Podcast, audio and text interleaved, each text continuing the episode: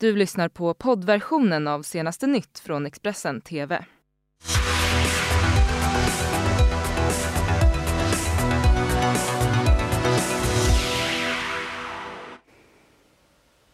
Välkomna, ni tittar på Senaste nytt här med mig Johanna Gräns och det är fredag den 28 februari och vi ska nu ta en titt på våra huvudrubriker.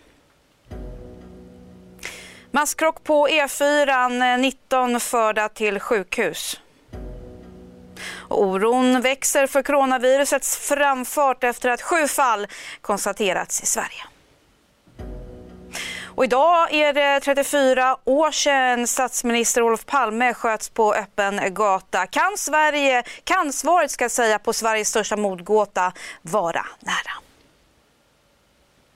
Ja, vi ska börja med att 19 personer har förts till sjukhus med ambulans efter att flera trafikolyckor inträffat på samma vägsträcka en mil norr om eh, Nyköping eh, på E4 i södergående riktning under torsdagskvällen. Det är oklart vad för typ av skador det rör sig om och hur skadade personerna är. Det här säger Martin Detterström, vakthavande befäl vid polisen i Region Öst. Och vägen den fick stängas av i södergående riktning under räddningsarbetet då flera av de inblandade fordonen behövde bärgas och eh, det ska ha varit extremt halt eh, på platsen.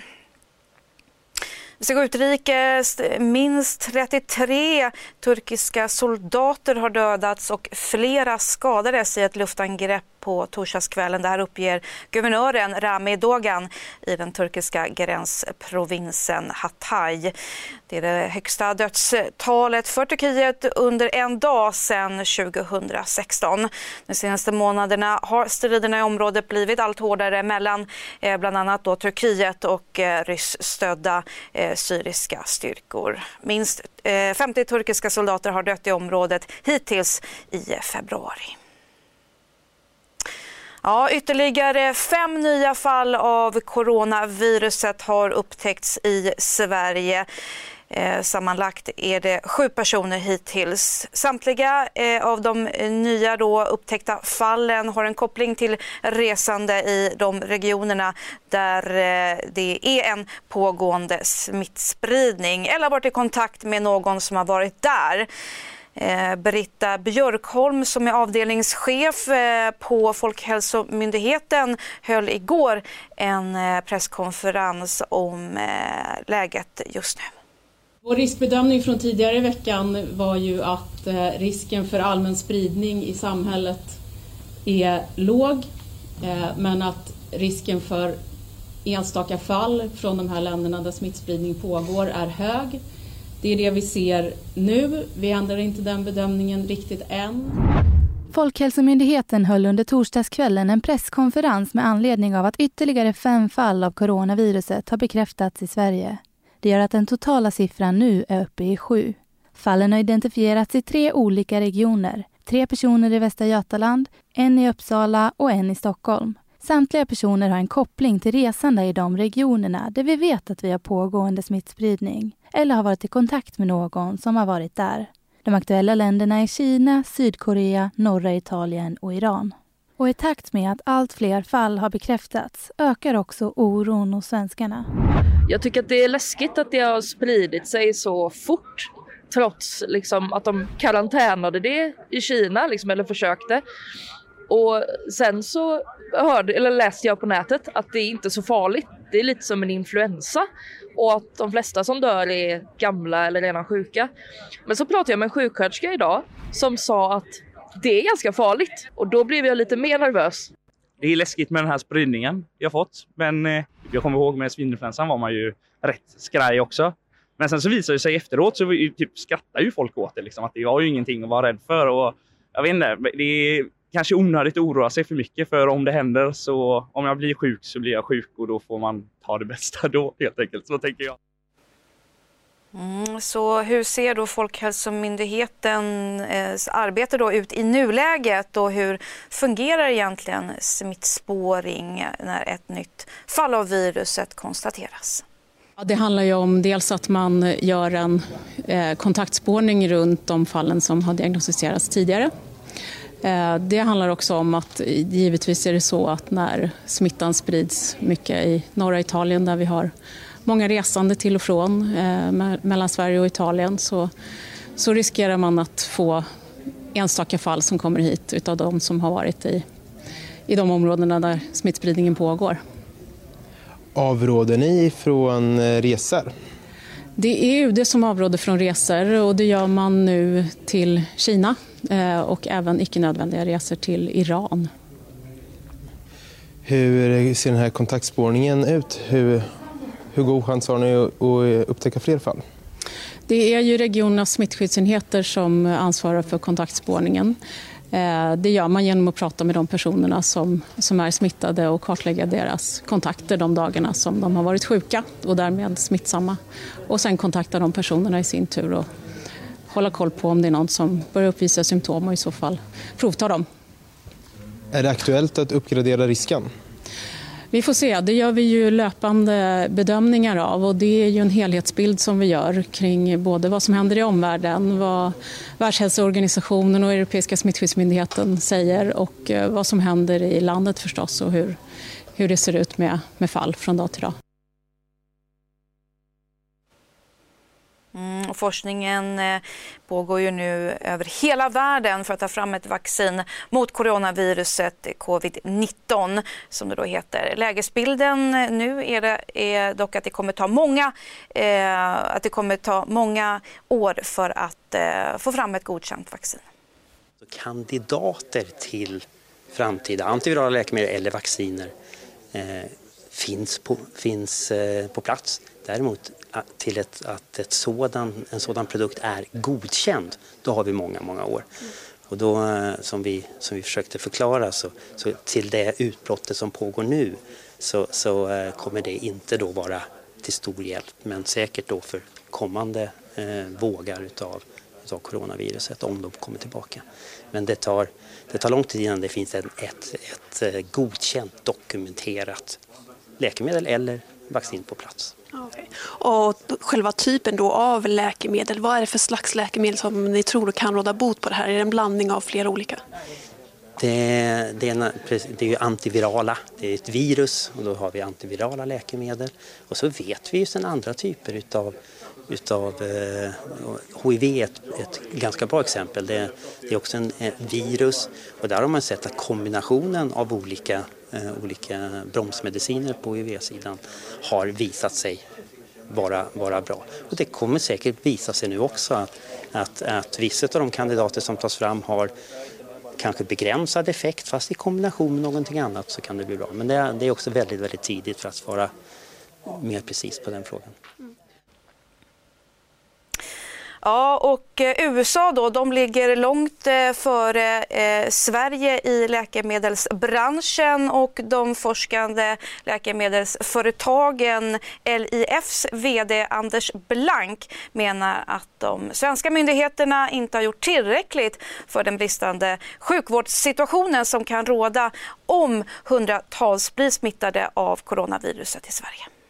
Oftast är det väldigt svårt att jämföra med USA när vi pratar överhuvudtaget prata sjukvård. Och när vi pratar läkemedel ska man komma ihåg att tittar man från ett företagsperspektiv så är 50 procent av världsmarknaden i USA, vilket är extremt extremt mycket.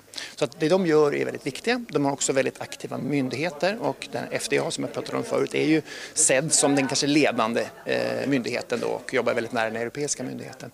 De jobbar lite mer proaktivt i det här att liksom se om sin egen kontinent. Alltså det, det, och sen om det beror på eh, det politiska läget eller sånt, men att de är ju väldigt så att säga på så sätt vi skulle kanske säga protektionistiska, men de är också väldigt aktiva med att kartlägga den här typen av, av, eh, av, brister. Vi kanske skulle vilja efterfråga lite mer proaktivitet från de svenska myndigheterna, till exempel kring de frågor vi pratar om idag.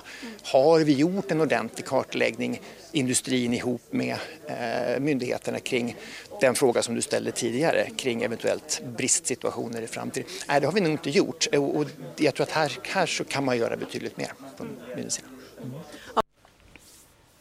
Ja, eh, vi ska eh, fortsätta att rapportera om coronaviruset men vi ska till USA för där har USAs president Donald Trump nu utsett vicepresident Mike Pence som eh, särskild ansvarig för USAs arbete med att stoppa smittspridningen av coronaviruset i landet. Och hittills har 60 smittfall bekräftats i USA varav 40 personer kom från kryssningsfartyget Diamond Princess i Japan. I natt så meddelade eh, presidenten på en presskonferens också att han stänger stänger gränsen mot eh, vissa platser i världen. I closed our borders to certain areas of the world. Yeah. I won't be specific because it's not nice to be, you know, specific, but you understand where. Mm-hmm. And I closed the borders to certain areas of the world very early. We'd never closed the border before. We've never done that before. Right, right. And flights coming in and mm-hmm. people coming in. Yeah. Because they had a very early problem. And I closed them. I took a lot of heat from the Democrats. They said, What's he doing? Because anything I do, they'll do the opposite. Mm-hmm. Mm, vi ska lämna coronaviruset där för nu, men det är självklart något vi kommer att eh, rapportera och uppdatera er om under hela morgonen och dagen.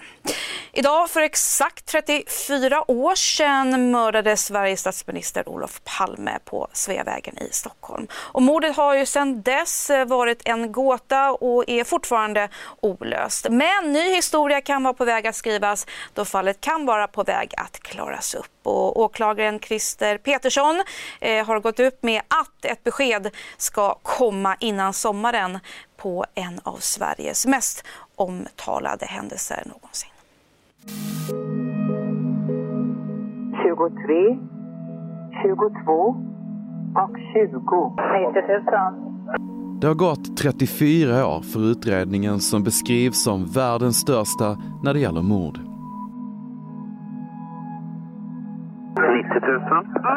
90 000. Hej, det var Järfälla Taxi. Hej. Eh, tunnelgatan vid Sveavägen. Ja. Det är en kille som har blivit skjuten. Mängder av böcker har kommit, poddar och dokumentärer.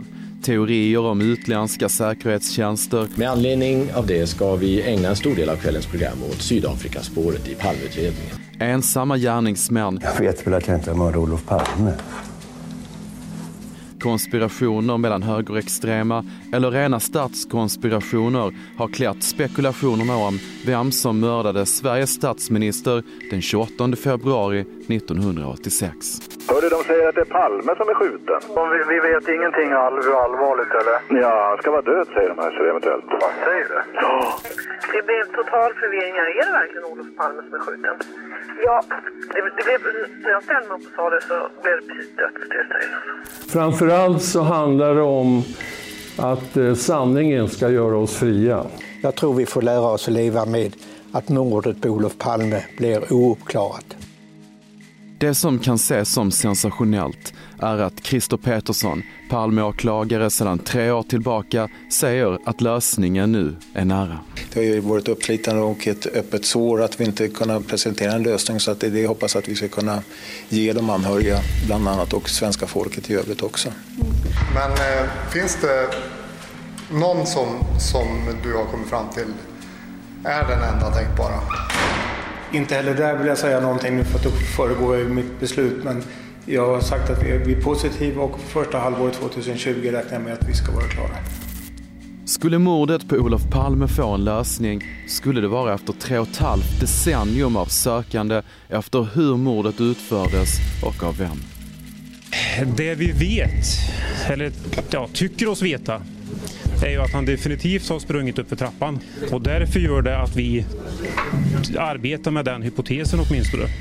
Förutom den personen som avlossade skotten på Sveavägen har mordvapnet varit en av de viktigaste bitarna att finna. Och nu hörs röster som menar att det kan vara just vapnet som man slutligen funnit. Ny svensk kriminalhistoria kommer, hur det än går, att skrivas när Christer Peterssons ord uttalades om att man kommer att presentera ett beslut om att antingen väcka åtal eller lägga ner världens största mordutredning inom ett halvår.